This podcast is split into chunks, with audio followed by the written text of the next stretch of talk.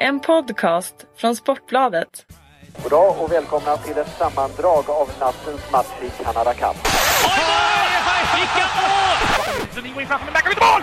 Mats Sundin gör 1-0 för Sverige! Bakom gör mål köksvägen! Peter Forsberg gör ett drömmål! Peter Forsberg gör ett drömmål! Oliver Ekman Larsson, välkommen till en mysig pratstund med mig. Tack så jättemycket. Det första man vill veta då, vi träffas ju i Tingsryd i, i början av augusti och hur har sommaren varit mot dig? Den har varit eh, jättebra, det måste jag säga. Det har varit skönt att vara hemma och få lite nya krafter och sen samtidigt eh, varit iväg lite, lite korta vända upp till Stockholm och en vända ner till Båstad. Så att det är lite, lite roligt har man också hunnit med. Ja, du tackade nej till VM i våras på grund av en skada. Är den helt eh, rehabiliterad nu? Är du helt återställd? Ja, det skulle jag säga. Eh, Det är väl de senaste tre, fyra veckorna har jag väl kunnat köra på för fullt i, i både gym och, och eh, rörlighet och sådär. Eh, Så eh, det känns bra och det ska bli kul att få gå på is här med. Ja, du ska ju gå på is då med, med Tingsryds A-lag här på, på den här måndagskvällen när vi är här. Så det blir spännande att se hur många supportrar som, som kommer på den första isfesten. Då. Eh, Det som fascinerar mig, eh, en sak med dig, när man googlar på dig och kollar lite, det är den här fantastiska släkten som du har. Kan du inte berätta för våra lyssnare och, och, och läsa lite, vad, vad har du för kända släktingar runt omkring dig? Ja, kända. Eh, morfar har ju spelat eh, OS och, och, och landslag och Tingsryd, tror jag, Ljungby, eh, Rögle. Eh, så att det, är väl, det är väl han som är kändast i, i, i släkten, eh, om man säger så. Och sen har jag ju eh, Eh, på mammas sida så är det ju Amanda Ilestedt, spelar i, i fotbollslandslaget och eh, väldigt duktig fotbollsspelare. Eh, sen så hennes bröder Fabian och Sebastian som spelar hockey också då.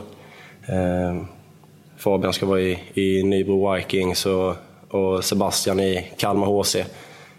Så det är väl så det ser ut på, på mammas sida och sen eh, Eh, hon har ju även spelat fotboll med, med sin syster i Öster. Eh, så det, det är lite hockey eller lite idrottssläkt sådär. Eh, och sen på pappas sida så är det väl tre bröder som har spelat, spelat hockey på, på ganska hög nivå. Pappa har spelat i Tingsryd och det är väl framförallt det. Kevin spelar här i Tingsryd i Allsvenskan, lillebror då. Så att, eh, förhoppningsvis så får han en lite, lite ledande roll i år och eh, kan ta några steg framåt. Och, och så, så är det jag.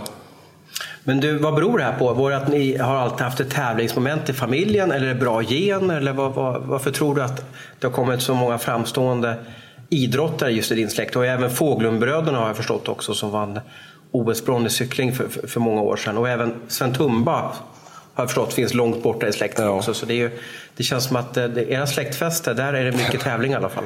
Ja, men det är väl, det är väl framförallt bra gener skulle jag väl säga. Eh, och sen så har det ju blivit att man, jag har ju alltid tävlat med, med min lillebror och kusiner. Och, eh, det har ju blivit mycket hockey och, och fotbollssnack när man väl träffas och sitter ner med släkten. Så, eh, man har fått många, många ledord på vägen. Vad har du fått för gener av pappa och vad har du fått för gener av morsan tror du?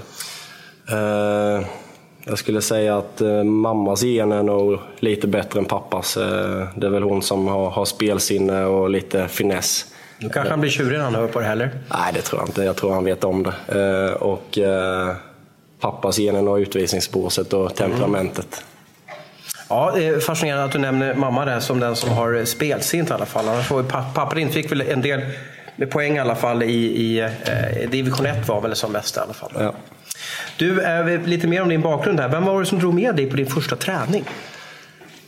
Eh, ja, det var väl... Eh, jag kommer knappt ihåg det. Jag skulle väl säga att det var... Eh, minns någon gång när jag var uppe och åkte med, med morfar och, och mamma på eh, allmänhetens. Eh, men första träningen, det var nog kanske både mamma och pappa. Ja. Är det i den här arenan? Vi sitter ju i Nelson Garden Arena. Var det här du gjorde dina första skridskoskär?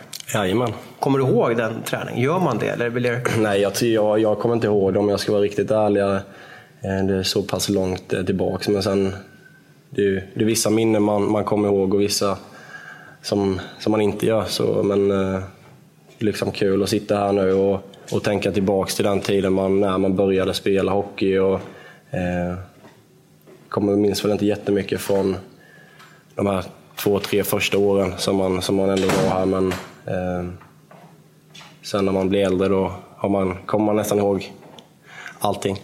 Du är duktig på fotboll också. Eh, varför valde du hockey till slut?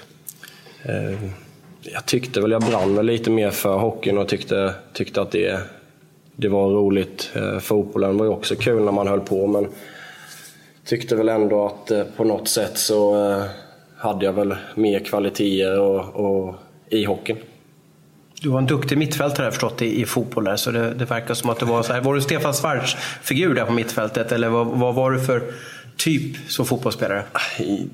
Jag vet inte. Jag måste nog säga att jag var ganska bra på att ja, men, fördela ut bollar och, och, och kämpa. Jag gjorde inte så jättemycket mål men eh, var väl ganska helt okej okay, skulle jag säga fotbollsspelare också. Men sen vet man ju aldrig eh, om man hade valt den vägen hur långt man hade kommit. För det, jag tror att det är betydligt svårare att, att bli fotbollsspelare än, än hockeyspelare. Varför då? Eh, men fotboll finns eh, i stort sett överallt och det är jätte, så pass många som, som spelar fotboll och, eh, och har möjlighet att spela fotboll med, med tanke på att eh, men hockeyn eh, det kostar väldigt mycket och eh, vara med och ska ha utrustning och, och sådär. Eh, så då tror jag att det blir, blir mer att eh, det blir fotboll som, som man väljer och det är enklare för, för alla att, att delta. Mm. Hur länge höll du på med två sporter? Det finns ju en diskussion i samhället att, att, att idag så är det liksom att man tvingas, barnen tvingas välja så tidigt. Eh, jag höll på fram till sommaren jag kom upp i A-laget. Så att jag var 16. Mm -hmm. Då körde jag både sommarträning med, hockeyn och sen eh, direkt ut på fotbollsplanen. Mm. Och det var väl den perfekta skolan, perfekta utbildningen för dig för att bli en duktig idrottare? Ja, men det tror jag. Jag tror att det är väldigt viktigt att man, man håller på med, med fler idrotter eh, så länge man kan. Eh, ehm, eh, det blir ju lite lättare att, springa när man har en boll framför sig än, än gå ut på spåret och springa, så det var väl lite också därför eh, jag körde på den. Eh, spelade även tennis och Eh, ja, allt möjligt. Vad har du tagit med dig från fotbollen, inte hockeyn? Vad har du förbättrat som hockeyspelare genom din fotbollsbakgrund? Jag, jag tror att eh, när man är med i olika sporter så, så eh, det är alltid någonting man kan lära sig av eh, de olika idrotterna.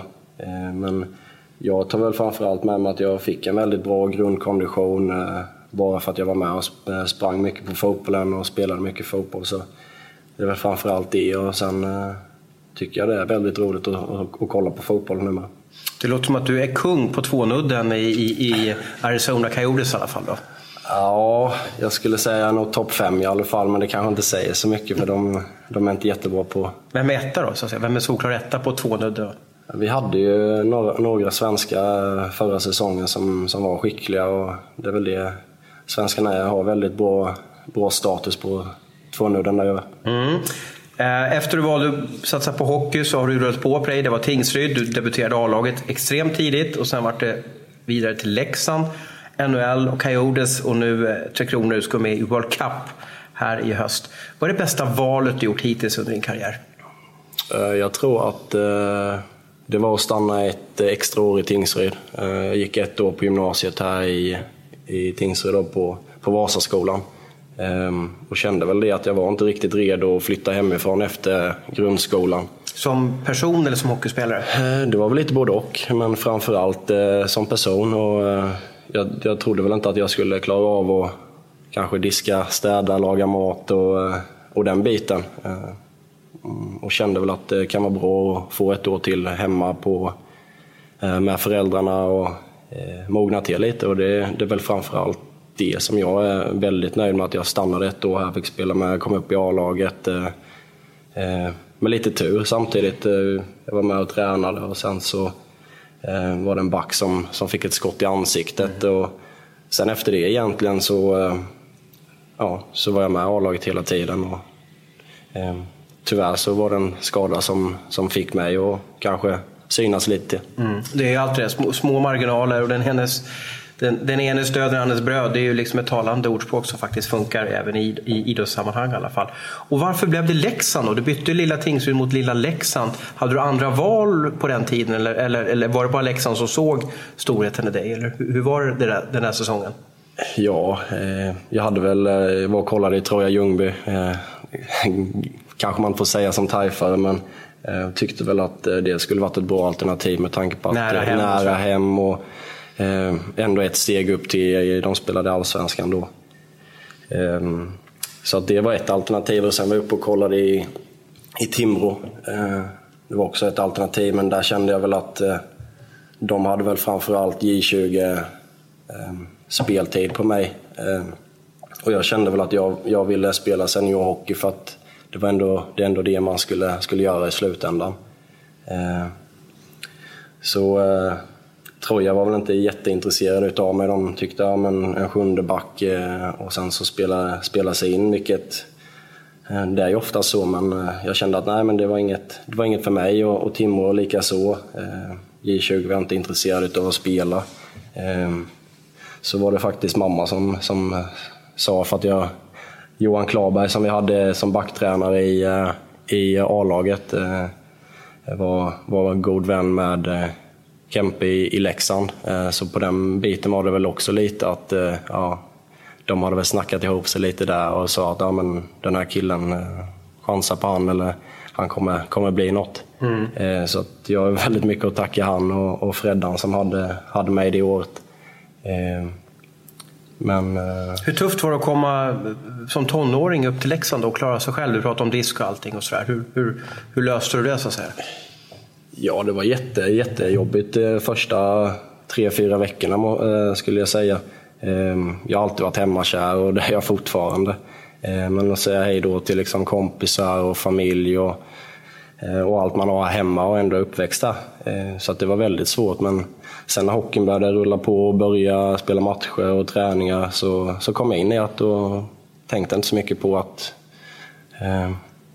vad familj och kompisar gjorde där hemma. Det, det blev bara en, en, vardag för mig där uppe och jag trivdes väldigt bra. Det var en av anledningarna till varför jag valde Leksand också. Att, eh, jag kände väl att de trodde på mig och Eh, Leksand är ju inte jättemycket större än Tingsryd så eh, det var ett naturligt val. Mm, bra val att stanna kvar säger du Tingsryd ett år eh, till och det kan ju vara bra tips eller råd till många ungdomar ute att man är ganska tidig på att röra på sig, flytta upp till Modo eller, eller, eller Luleå eller kanske Skellefteå för att gå på hockeygymnasium. Men, men alla människor kanske inte är riktigt mogna för det.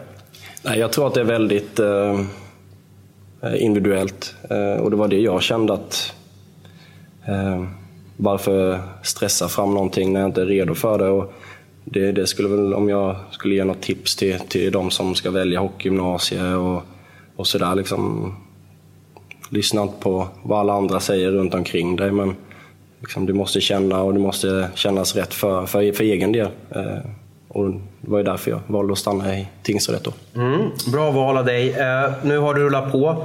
Du har eh, klubbrekord i, i Phoenix. Du har gjort flest mål av alla svenska backar genom historien i NHL. Du är uttagen till World Cup-truppen. Du var med i OS senast. Av alla de här meriterna som, som man kan googla sig fram till på, gällande Oliver Ekman Larsson, vad är du mest stolt över? Eh, jag håller väl TV-pucken ganska högt. Eh, vi vann ju TV-pucken eh, med Småland. Och det är någonting jag liksom kommer minnas att när man började spela hockey och man kom upp lite i den här åldern att ja, TV-pucksuttagningar och, och, grejer. Så det var ju väldigt stort för mig att komma med i det och, och få vara med och vinna. Vi hade ett fruktansvärt tajt lag, kanske inga så här jättestjärnor i laget. Är det någon mer förutom du som, som har gått liksom, tagit steget till SHL kanske man ska säga i alla fall. I NHL så kanske inte finns några... Vi hade ju Adam Almqvist eh, på backen och sen Jesper Fast han spelar i Rangers nu då. Eh, men vi hade ju inte i närheten vad Stockholm hade eh, med Selin och Wallén på den tiden. Och, eh, Ackered på backen. Liksom det, var, fanns ju hur mycket som helst att mm. välja på det. Så att det är någonting jag håller väldigt, väldigt högt. Och, var det för att ni var så tight grupp och ni var liksom underdog och så vann ni hela? Jag skulle säga det. och Det var ingen som hade räknat med oss att vinna eller ens vara med i, i slutstriden. Men vi, vi hade ett mål eh, när vi samlades och alla köpte det och, och så, så, blev det som det blev. Och det, det var det som var fruktansvärt roligt. att man behöver inte ha det bästa laget, bara alla drar åt samma håll. Mm. Och du blev vald till bäste back i turneringen om jag minns rätt också. Mm. Eh, hur var festen efter finalen då? Var, var det helt eufori eller hur, hur var det? Nej, men det är klart att alla var jätteglada och det firades en del i omklädningsrummet. Eh, eh och sen så var det en bussresa hem. Mm, det förstår jag, det måste varit roligt. Eh, nu har vi pratat om alla positiva val du har gjort och vad du är mest stolt över. Eh, vad är det sämsta val du har gjort hittills? Som du kanske ångrar, som att det där skulle jag nog ha gjort om eller det där skulle jag gjort annorlunda. Nu har du ju haft hyfsat spikrakt hela tiden, men det kanske finns någonting som du kan ta att det där skulle jag nog gjort lite annorlunda om jag fick göra om min resa. Ja, men det är väl eh, alltid små saker tycker jag. Eh, det är väldigt svårt att, säga eftersom jag kanske inte haft den här motgången än i, i, i min karriär. Eh, så svårt att riktigt plocka fram någonting. Men OS var ju en sån grej att eh, eh, jag hade väl förväntat mig att spela lite mer kanske. Och, men hade du kunnat gjort något annorlunda egentligen, eller?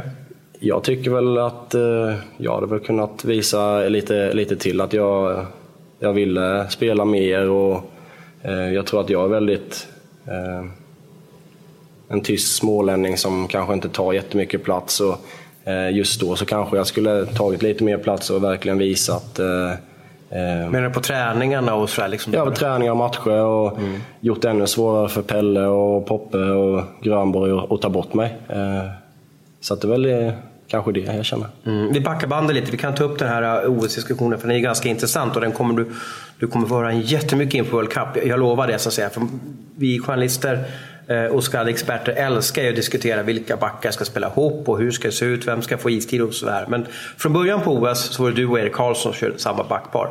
Sen funkade inte det och vad, vad, vad hände då? Ja, eh, bra fråga. Men jag tyckte att jag och Erik spelade bra ihop eh, i, i två matcher som vi, vi spelade tillsammans. Sen så eh, hade ju Edler en avstängning sen eh, VM innan där. Eh, och någonstans där vi eh, skulle han in i, i truppen och eh, skulle testa lite. Och det kanske var en bättre fit för att vi skulle gå längre i, i turneringen. Och, eh, som sagt, eh, jag kan inte jag snacka för Pelle och, och Poppe hur de tänkte, men eh, de tänkte väl att kanske Erik och, och Edle spelar, spelar bättre tillsammans. Men, eh, jättesvårt att säga. Hur var det att sitta liksom lite bredvid så att säga, när, när det vart final och allting sånt där? Liksom? Ja, nej, men det var ju jättetråkigt, absolut. Jag hade ju velat spela. Och, eh, så, men det, det är någonting man kan lära sig av också. Jag har aldrig varit i den situationen innan och kanske bli petad eller eh, bli eh, satt vid sidan. Eh, och då kände väl jag att jag vill inte vara den som drar ner gruppen för att inte jag spelar. Eh, försökte vara så positiv som möjligt och, och inte visa det där. Och, sa väl det till mig själv att ja, men får jag något byte eller några byten så ska jag gå ut och köra. Men, eh, ja, det, var, det var en svår situation mm. Eh, mm. som jag tycker att jag har lärt mig någonting av. Ja, och nu är det ju då World Cup som gäller i, i Nordamerika. Alla matcher går i Toronto, så nu har du ju ytterligare en möjlighet att visa att du, hur pass duktig back du är. Så att säga. För du har ju utvecklats också på de här två åren. Du har ju lärt dig väldigt mycket och som jag sa slagit eh, svensk rekord bland backarna i alla fall. Eh, jag pratade med din eh, pappa inför den här podden och, och, då frågade jag honom liksom rakt ut, finns det någonting jag måste fråga Oliver om så att säga, som, som, han, eh, som är lite annorlunda runt honom, som, är, som kanske är en story som inte riktigt berättad. Och han sa så här att ja, du måste fråga Oliver när han flyttar över till, till Nordamerika och så skulle han köpa en resväska. Och sen berättar han inte mer. Vad, vad är det här resväska-storyn? Vad är det ja, Han har svårt att släppa den, men det var eh, vi, eh, mitt första år så hade vi premiären i Prag. Eh, och så skulle jag köpa en, en lite mindre väska som jag kunde ha med på, på planet. Eh, så tänkte jag, ja, men jag åker ut till, till målet och, och kollar lite och ser om jag kan hitta någonting. Så går jag in i en affär där de har lite, lite att välja på. Eh, säger till hon som jobbar att den här ska jag ha. Så kommer jag fram till, till kassan. Alltså handbagage, en lite mindre resväska? Ja, lite, lite mindre resväska, precis. Eh, och kommer fram till kassan och då säger hon att ja, det blir 3000 dollar. Eh, och jag hade inte tjänat några jätte, jättesummor med pengar så att det blev liksom... Var den gjord av diamanter eller vad var det? För? Nej, jag vet inte men det var väl tydligen en jättefin, eh, affär som jag hade gått in i som jag inte visste om. Okej. så, eh, Men hade du de här pengarna då, eller var du tvungen att låna av någon? nej, nej, jag fick ju köpa det men det var ju liksom vatten och bröd resten av månaden. Och, och den här storyn, är är det för att pappa tyckte att åh, herregud, vad, vad, vad gör du? Du måste tänka dig för unga. Eller hur, hur var, det, var det som gör att jag sitter fast i honom då? Eller är det att man kommer från Tingsryd Då köper man inte en väska för, för ja, nästan 30 000 då? Nej, det var väl lite, lite så. Jag hade väl aldrig... Hade jag kollat på priset innan jag, jag valde där så hade jag kanske inte tagit den och hade nog gått ut från. Men du skämdes lite också när du väl hade tagit den? du kunde inte backa? Nej, jag tänkte, jag stod ju ändå och sagt att jag ska ha den här väskan och Vad var för speciellt med den då? nej, det var inget speciellt.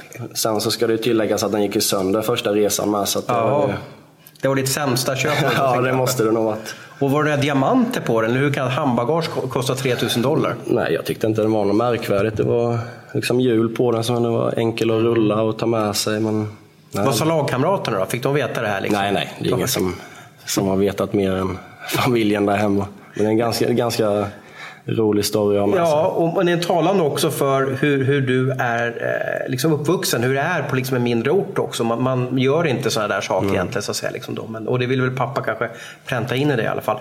Men du gjorde en väldigt fin gest till honom. Eh, jag vet inte om det var i samband med ditt första kontrakt. Du köpte en Lamborghini till honom. Vad, vad, vad var det här för något? Ja, det var väl eh, eh, mitt andra eller tredje år tror jag det var. Ehm, och jag tycker ändå de, de har alltid ställt upp för mig, både mamma och pappa. Och, eh, pappa hade, har alltid haft Lam, Lamborghini som, som favoritbil. Ehm, eh, så då tänkte jag, men vi hittade en, en på, på nätet som Var den ny eller var... Nej, den hade gått fem, 500 mil någonting sådär. Eh, Så att den var ju nästan precis inkörd. Eh, och, eh, så jag tänkte att ja, men det, det kan vara liksom en bra gest och visa att man liksom uppskattar allt de har gjort för en. Och, eh, samtidigt så kan jag ha lite roligt med den också när inte han kör den. Så det var väl en win-win. Ja, just det. Det fick mycket uppmärksamhet. Jag vet att lokalmedia gjorde det här. Och sen är det inte... Hur många Lamborghinis tror du har åkt omkring i Tingsryd genom hi- historien? Nej, fast det var ganska roligt för den storyn kom inte ut förrän eh, ja, men två år efter. Aha. Så att, eh, Varför hö- hölls det för det? Men Lamborghini i Tingsryd, då borde det ju spridas. Vad är det här för något så att säga? Nej, men jag tror väl att det är väl lite så som, som byn funkar. De vet ju, vet ju vem jag är, men när jag är hemma så är jag ju liksom Oliver som, som är uppvuxen här. Och det är det som är väldigt skönt och det är därför jag tror att jag kommer tillbaks också till Tingsryd, för det känns hemma och det är hemma för mig. Ehm, och man kan, kan vara sig själv. Mm. Det kan man ju vara här i Tingsryd i alla fall. Eh, Jag får lite liknelse med Filip Forsberg träffade jag här för någon vecka sedan. Han också ger den här liksom småstadsmentaliteten, hur tryggheten finns. I alla fall. Och det, jag får lite samma vibbar av dig också, att du, du trivs bäst här och Ja. går omkring och lallar lite. Så att säga, liksom.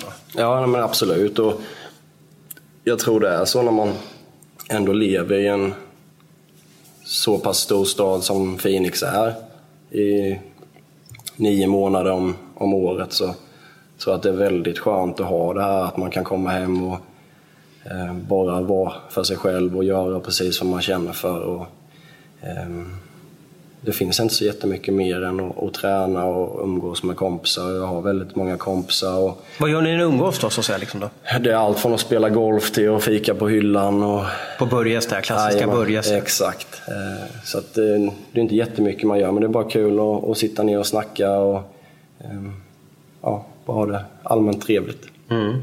Och genom de här se- senaste kontrakten du har skrivit nu, eh, eller sista kontraktet du har skrivit i alla fall, så har du fått otroligt mycket pengar. Vad investerar dem i eller vad gör du för att liksom ändå pengarna ska förvaltas på ett bra sätt? Vi har ju genom agenten så har vi eh, killar som investerar åt den. Ehm, eh, Så det är väl det jag gör med pengar. Det är inte... Bryr du om pengar eller liksom låter du andra ta hand om det och ställer inte så mycket frågor om det? Nej, jag litar väl på dem som, som har hand om mina pengar och Ehm, samtidigt så ja, jag tänker inte så mycket på det. Eh, liksom jag håller på med det jag tycker är roligast och, och älskar att göra och sen att du kan leva på det, det är ju fantastiskt. Eh, och det, man önskar ju verkligen att, att eh, mer folk skulle liksom få uppleva och känslan av det. För att det, är, det är otroligt svårt att beskriva med ord att ja, men jag håller på med någonting jag älskar och, och kunna bara leva och tänka på det hela tiden. Eh, så att, eh, det hade varit eh, kul om fler folk hade fått uppleva det. Mm. Jag har sett väldigt många hockeyspelare genom åren. Det som fascinerar mig när jag ser på dig är att du får allting att se så enkelt ut på isen. Vad är hemligheten? Ja, jag tror att eh, jag hade väl lite problem med det när jag kom över till Arizona. Att ja, men han ser lite nonchalant ut eller eh, ser inte ut som han kämpar.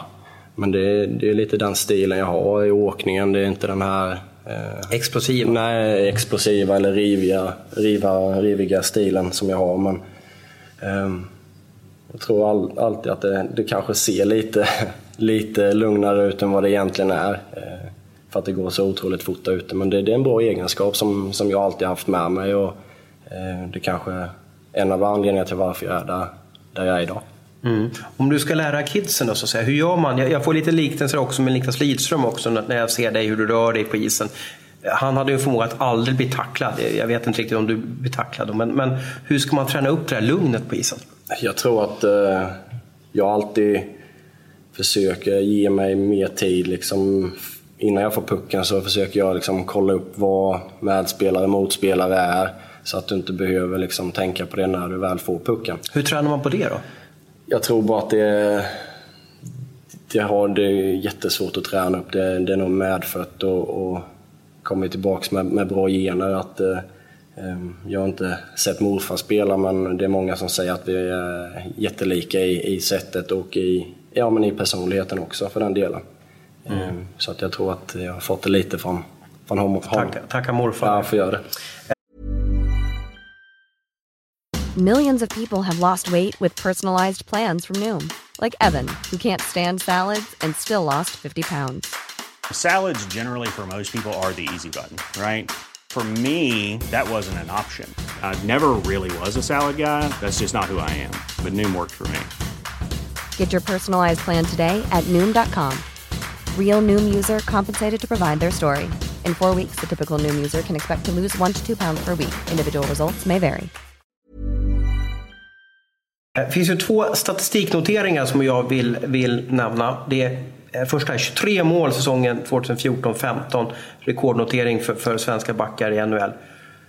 Det är ovanligt att många backar kanske skjuter från blå så att säga, men du har ju lite mer skills också, kommer upp och, och kan nästan dra hela laget och så vidare. Hur tänker du vid målchanser? Vad, hur, hinner du tänka dem då? Eller? Nej, jag tror inte jag tänker så jättemycket. Eh, försöker träffa mål. Eh, det är väl framförallt det.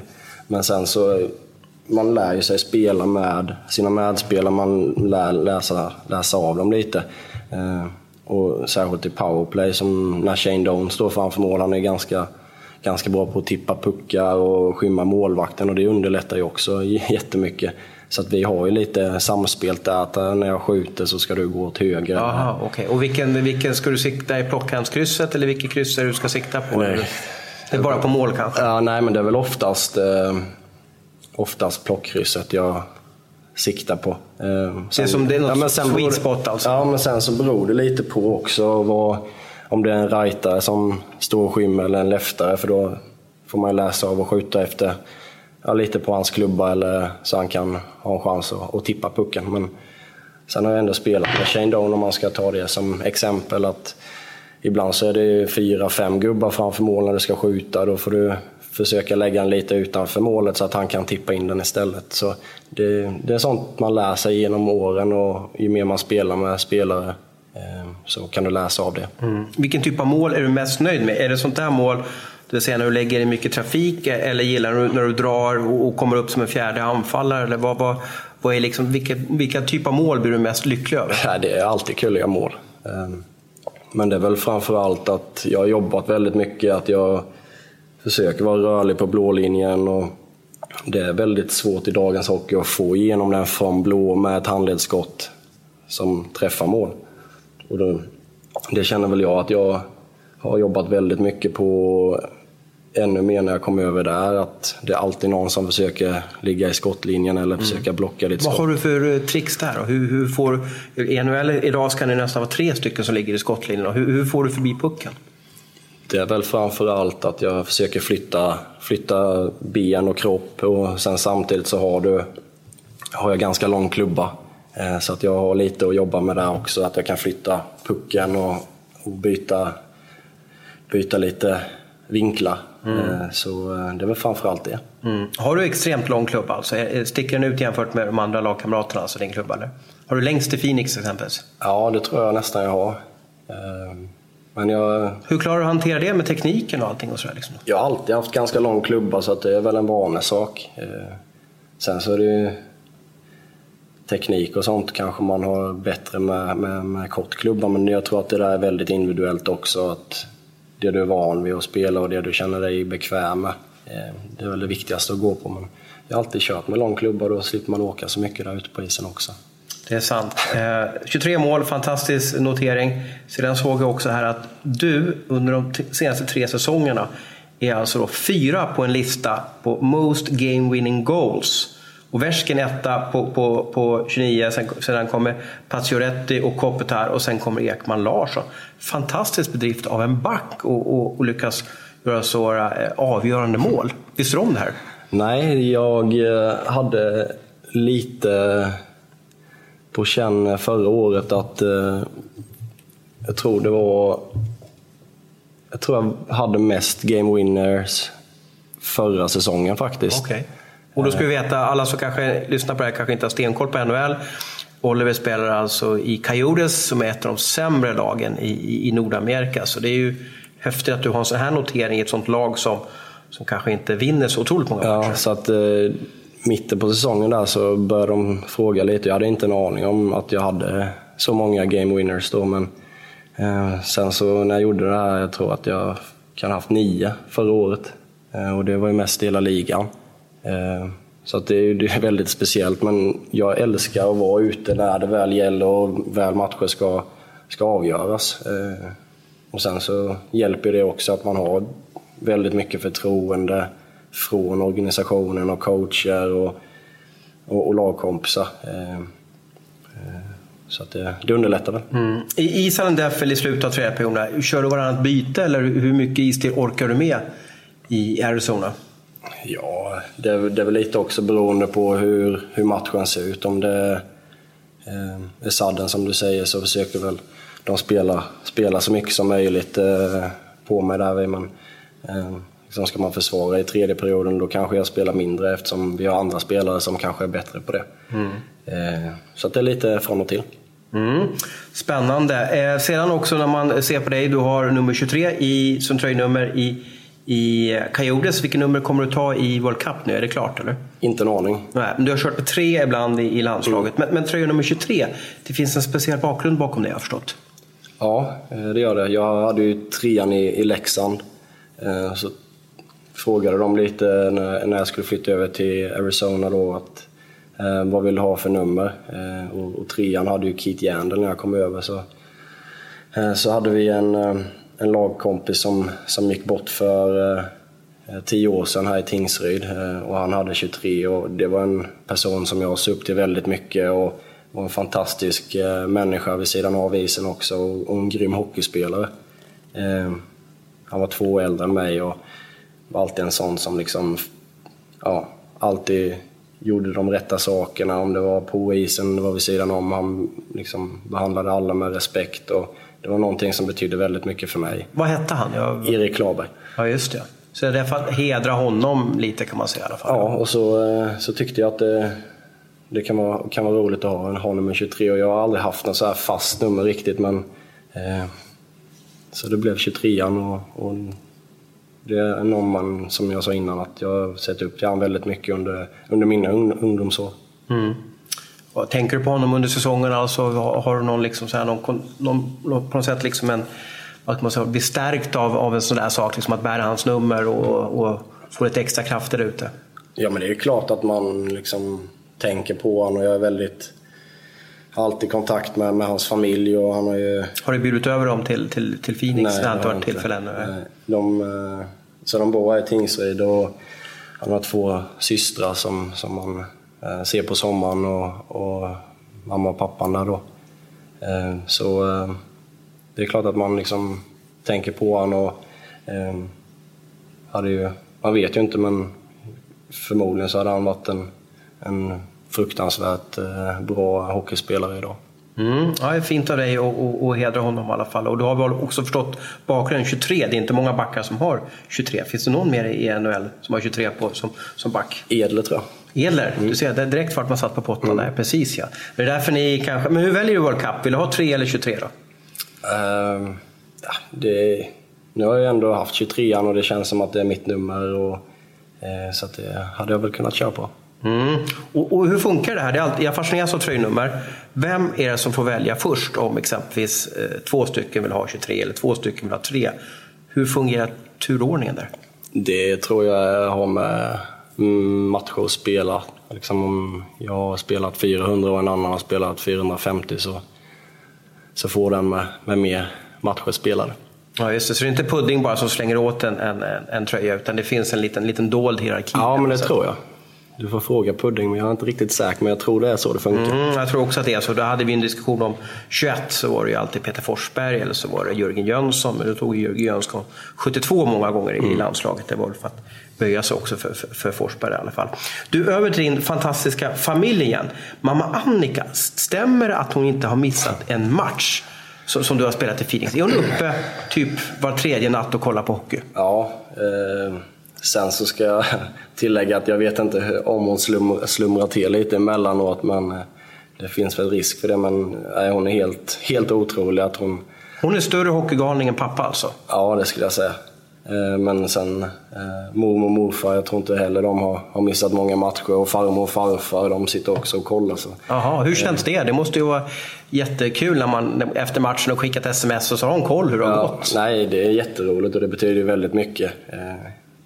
Och det, man kan ju tänka tillbaka eh, under matchen att, ja men fan, nu får jag ta och skärpa till mig annars så får Morsan sitter och kollar. ja, exakt. Vad ger hon efter en match då? Vad säger hon då? Liksom så här, ät ordentligt eller är, är det mammatips? Eller, är, eller börjar hon bli lite, har hon koll på hockeyn? Jag skulle nog säga att mamma har bra koll på hockey. Eh, hon har ändå varit med så pass länge och eh, uppvuxen med när morfar spelade och när pappa spelade där med så satt hon och kollade. Så jag skulle säga att hon, hon är kunnig. Vad, vad, får du för tips av henne? Vad, vad, vad, tar du till dig? Så att säga, liksom Nej, men det är väl... Eh, det är väl kanske inte jättemycket tips. Det är väl mer att ja, men bra match eller synd att ni förlorade. Det, hon, det är väldigt sällan hon är kritisk, men det är väl, det är väl så det funkar bland, eh, bland mammorna. Så. En bra stöttande idrottsförälder låter det som. Du, eh, varför vi är här det är för att du är en av stjärnorna i World Cup-lag som ska spelas i Toronto. Det är en kort och intensiv turnering, skiljer sig lite från OS där det här går ännu mer undan. Tre matcher på fyra dagar, sen kan det vara över. Hur ser du på World Cup?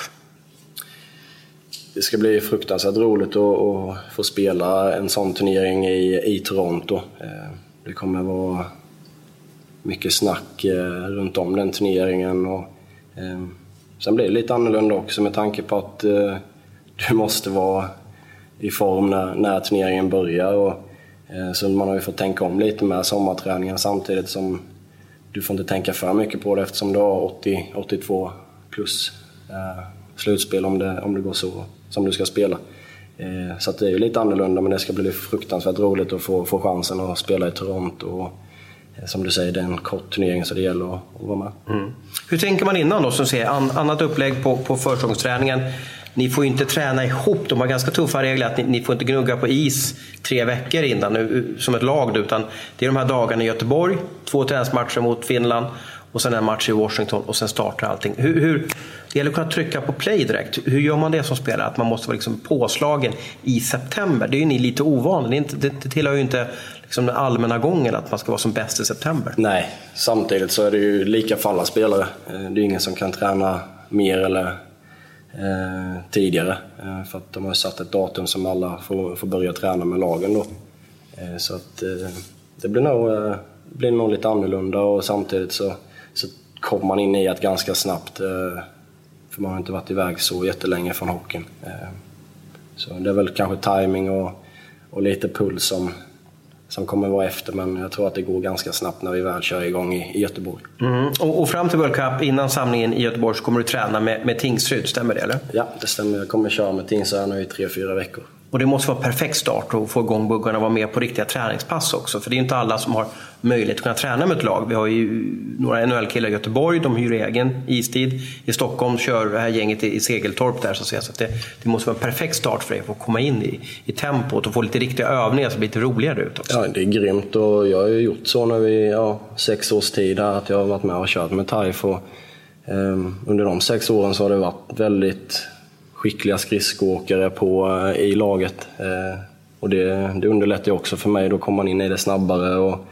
eh, förra året var de ett topplag i, i Allsvenskan. Och, eh, så att, eh, det, det gynnar ju bara mig att det, det, är bra spelare och det är bra fart på träningarna och det gör det lättare att, att komma igång. Mm. World Cup är en unik turnering. Eh, det är alltså sex landslag och sen är det ett U23-landslag från Nordamerika och sen ett Team Europe. Då. Hur ser du på det upplägget? För det har ju diskuterats lite, supportrar har åsikter om många saker, bland annat att man tycker att det här ska vara en landslagsturnering, inte liksom High Chaparral då. Jag tror att eh, det är bra för att du får se bättre spelare i, i alla lag. Eh, och sen så hade det ju varit vissa spelare som inte hade varit med, som, som Kopitar och, eh, och det, är ju väldigt eh, bra tillgång för hockeyn att han kan vara med och spela och köra och, och de här. Ehm, så att jag tror att det gör att turneringen eh, blir bättre och det blir bättre, bättre spelare och det blir bättre, bättre matcher. Eh, så att det, jag ser inga problem med det. Nej. Vad är störst för dig? Eh, OS eller World Cup? Vilken turnering liksom slår, slår högst? Jag måste nog säga OS ändå. Eh, det är inte alla som, eh, som får vara med och, och, och spela eller vara med och delta i ett OS. Eh, så det var fruktansvärt stort för mig. Och sen så har inte World Cup varit igång här nu sen, jag minns inte ens när senaste var. Så det ska bli lite annorlunda men samtidigt så tror jag att det kommer bli en, för hockeyspelare så är det ju bara det som det är fokus på så det kommer nog bli väldigt stort också. Mm. Kan du förklara för de som lyssnar på det här, hur, hur stor är hockeyn i Toronto? Hur, hur häftigt är det att alla matcher går i hockeyns mecka som jag upplever det? Ja, det, det är svårt att beskriva hur, hur stor hockeyn är där över. Eh, men det blir ju inte större än så. Eh, liksom alla lever och, och andas hockey hela tiden. Och, det är väldigt stor skillnad för mig som spelar i Arizona. Vi har jättebra fans men samtidigt så trappas det upp några pinnhål. Mm. Får se hur det går för, för eh, Tre Kronor i World Cup. En utmaning om man ser på, på rosten lite utifrån, det är att vi har extremt många skickliga backar. Backar som, som sväljer 25 minuter i sina klubblag. Vi har Oliver, vi har Hedman, vi har Erik Karlsson, vi har Strålman och Hjalmarsson. Hur löser man det här så att det blir ett bra försvar? Så att alla också känner sig lite nöjda. Ja, alltså det är ju så pass kort turnering också så att eh, man får väl sätta, rätta sig in lite eh, i leden att eh, vissa kommer spela mer och vissa kommer spela mindre, det vet jag om. Och... Har du fått beskedet av, av Grönborg hur han vill använda dig? Nej, det har vi har inte snackat så jättemycket. Vi samlas här nu 10-11 augusti och, och ska sitta ner och snacka lite så att då, då tror jag att vi får mer information men samtidigt så spelar inte jag bra så ska jag inte spela 22-20 minuter. Um, um, då är det andra som, som kanske förtjänar den speltiden och så tycker jag det ska vara att uh, uh, bäst spela. Mm. Vill du vara vänsterback eller högerback? Var, vilken kant gillar du bäst? Jag uh, har ju spelat vänsterback nu i, i många år så det, det är väl den kanten jag känner mig tryggast på. Men samtidigt så hade Grönborg sagt till mig att spela högen så hade jag inte, nej jag kan inte. Nej, jag förstår jag. Vilken typ av backpartner trivs du bäst med? Vad, vad, vad, vill du ha för typ av hockeykaraktär på den killen? Hur, hur, hur ska en, medbackpartner röra sig för att, för att du ska funka bra? Ja, jag har ju spelat, eh, som, som vi sa innan, med Erik i, i OS och jag tyckte det funkar bra. Det gäller att, att läsa av eh, sin back, backkompis och sina lagkamrater. Att man ska skapa ett superbackpar, alltså du och Erik Karlsson alltså då, så att säga? Nej, det, jag säger inte att det är rätt, men eh, vi får se när, när de tar ut lag eller när de sätter ihop femmorna och backparen hur, hur det ser ut. Men samtidigt så eh, föredrar jag väl kanske att ha en lite mer defensiv eh, eh vid min sida. Fast det låter ju ganska troligt att det kan bli så. så. Nu, nu, det är ju roligt att spekulera om backpar och sånt där och det är ju Grönborg som bestämmer där. Men vi ser att, att de behåller Strålman och Hedman ihop, det är ändå liksom ett klubblock då. Och sen dig och Erik Karlsson och sen kanske det blir ja, Hjalmarsson får spela kanske med Kronwall eller någonting. Så det låter ganska troligt ändå att du och Erik får, får bilda ett backpar i alla fall. Liksom då. Och vad har du lärt dig av det som hände 2014? Hur ska du tänka på isen för att det ska funka bättre? Ja, som sagt, jag har faktiskt inte mer koll än vad du har. Eh, så det ska bli intressant att se hur, hur de väljer att sätta ihop det. Eh, men eh, vad jag har lärt mig av 2014 där, det var väl att ja, men kanske ta lite mer, mer plats och, och synas och höras lite mer även om jag är... Kan du det så att säga? Du som en snäll och trygg smålänning. ja, men det är svårt men det är också någonting som jag har blivit bättre på genom åren. Att kanske ta lite mer plats och eh, på ett bra sätt givetvis. Eh, det handlar inte om att hålla låda hela tiden men eh, ta för sig ute på isen framför allt och, och visa att man vill ha puck och vara spel, speltillgänglig. Och det är väl framför allt det. Ja, du är, assist, är du assisterande lagkapten i Phoenix då, så att säga, Arizona som det heter nu. Så, att säga. så du har ett A på bröst och med det så kommer väl att man måste liksom föra talan och, och stå upp och, och, och, prata ibland också? Ja, absolut. Men sen så tror jag att det finns uh, olika sätt att, att vara lagkapten eller assisterande kapten. Uh, det är inte alltid den som, som snackar mest eller uh, som är bäst på hockey. det kan vara att ja, men han har bra ledegenskaper och liksom han föregår med gott exempel. Det är väl framförallt det. Mm, ett eh, fast och stående moment i, i eh, våra poddar inför World Cup här är att vi avslutar med tre snabba frågor. Sen ska du få möjligheten att skjuta tillbaka en fråga till mig i alla fall. Jag vet att du har förberett dig väl på det. Vilken klubb väljer du när du flyttar hem till Sverige? Jag tycker ändå att eh, Tingsryd är ändå min moderklubb och kunna få avsluta sin karriär. Eh, det är väldigt tidigt att säga också att eh, man kommer liksom åka hem. Det är så mycket som kan hända men eh, hade jag fått välja så hade det varit Tingsryd och sen om de spelar Allsvenskan då? Eller division 1 som kan göra jag, jag tror inte det spelar någon roll om jag ska vara ärlig. Mm. Men sen, som sagt, det är mycket som kan hända och, och Leksand har, har också en plats i mitt hjärta och de har betytt väldigt mycket för mig. Och det tror jag de flesta vet eh, som, som har följt eh, min, min karriär så här långt. Mm. Men Tingsryd låter som, som första valet och det, det, förstår jag när jag har rört mig här i, i den här byn. Så att, säga, att, liksom att eh, du är Tingsryd, Tingsryd är lite Oliver. Då. Du, vem är Sveriges bästa spelare genom tiderna? Uh, Niklas Lidström. Uh, en som jag har sett upp till väldigt mycket. Och, och som också är delaktig till var, varför jag är där över och kanske har det här lugnet som, som vi snackade om innan. Eh, jag har studerat han väldigt, väldigt noga och väldigt mycket. Eh, och sen var det fruktansvärt roligt att få, få chansen att spela mot honom. Mm. Eh, men det är någon jag har sett upp till väldigt mycket. Och sen ja. samtidigt som man Peter Forsberg, Mats Sundin, Marcus Näslund. Liksom det... Mm. Vad har du tagit kan du utveckla lite? Vad har du tagit från Lidas in till ditt eget spel? Så att säga, liksom? Det är väl framförallt eh, ja, men, kollat mycket på hur, hur han gör utan puck eller hur han rör sig med puck eller vad han gör för att göra sig redo innan han får pucken. Eh, Sådana här eh, små grejer eh, som ändå är så pass viktigt i dagens hockey. Eh, eh, och sen i defensiven så har han en väldigt väl, hade en väldigt bra klubba och behövde inte, han stod alltid rätt och fick alltid en klubba på pucken. Så det är väl framförallt det jag har, har tagit utav honom. Det är många forwards som har svurit över hans långa klubba, att den är alltid där och petar på antingen skridskon eller klubban. Ja. Så att säga, liksom ja, bra med Lida, så jag kan nog hålla med dig där. Att det, det är hans meritlista och hans Eh, Eh, hans, hans, eh, hans era när han dominerade där borta i Nordamerika var fantastiskt. Och vilken forward tycker du är mest svårstoppad i NHL just nu, som är aktiv nu? Då? Vilken forward är du när du liksom, oj, ska jag möta honom? Okej, okay, ja, idag går det, kommer det gå undan.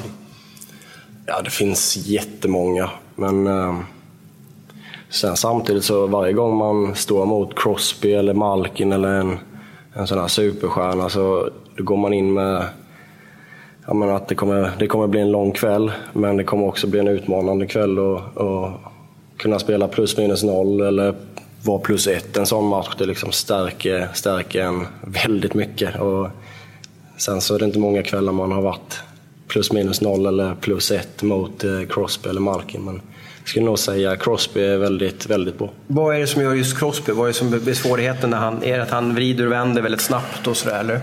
Ja, eh, det är det väl. Och sen samtidigt så han eh, är målfarlig när han har pucken och eh, man vet att han kan lägga en passning till sin, eh, sin lagspelare på, på bortre som du också måste vara upp, uppmärksam på.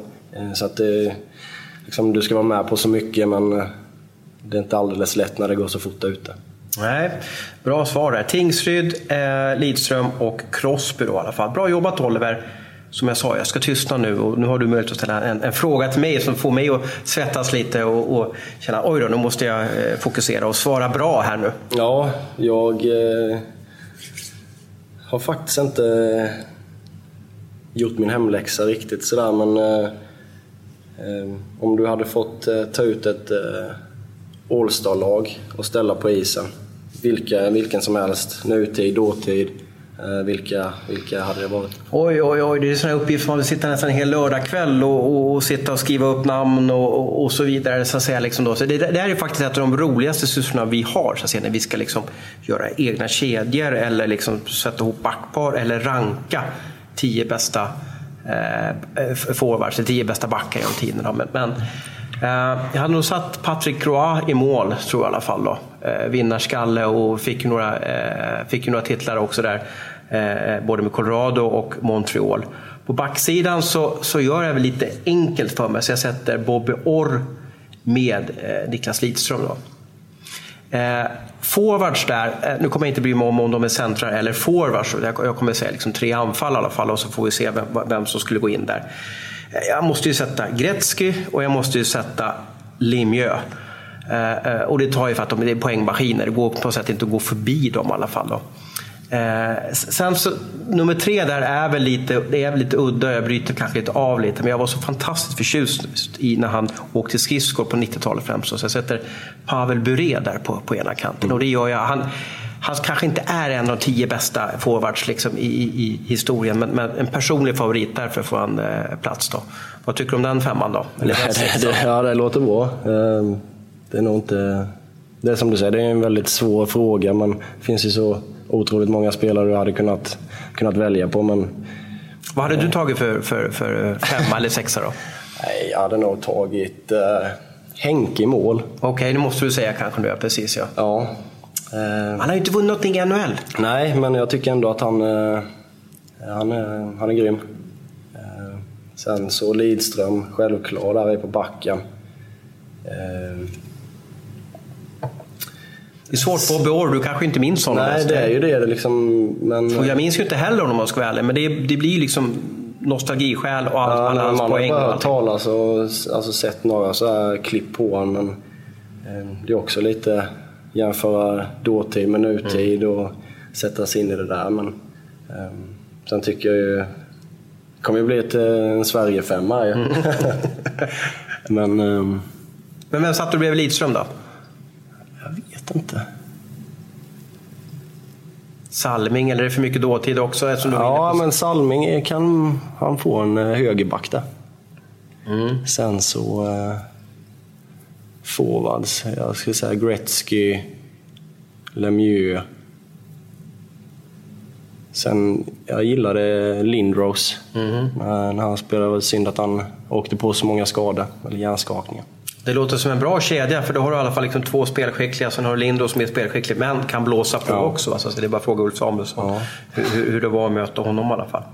Grymt jobbat Oliver! Eh, Tack för att vi fick komma till Tingsryd och tack för att vi fick träffa dig. Ja, tack för att ni ville komma. Mm.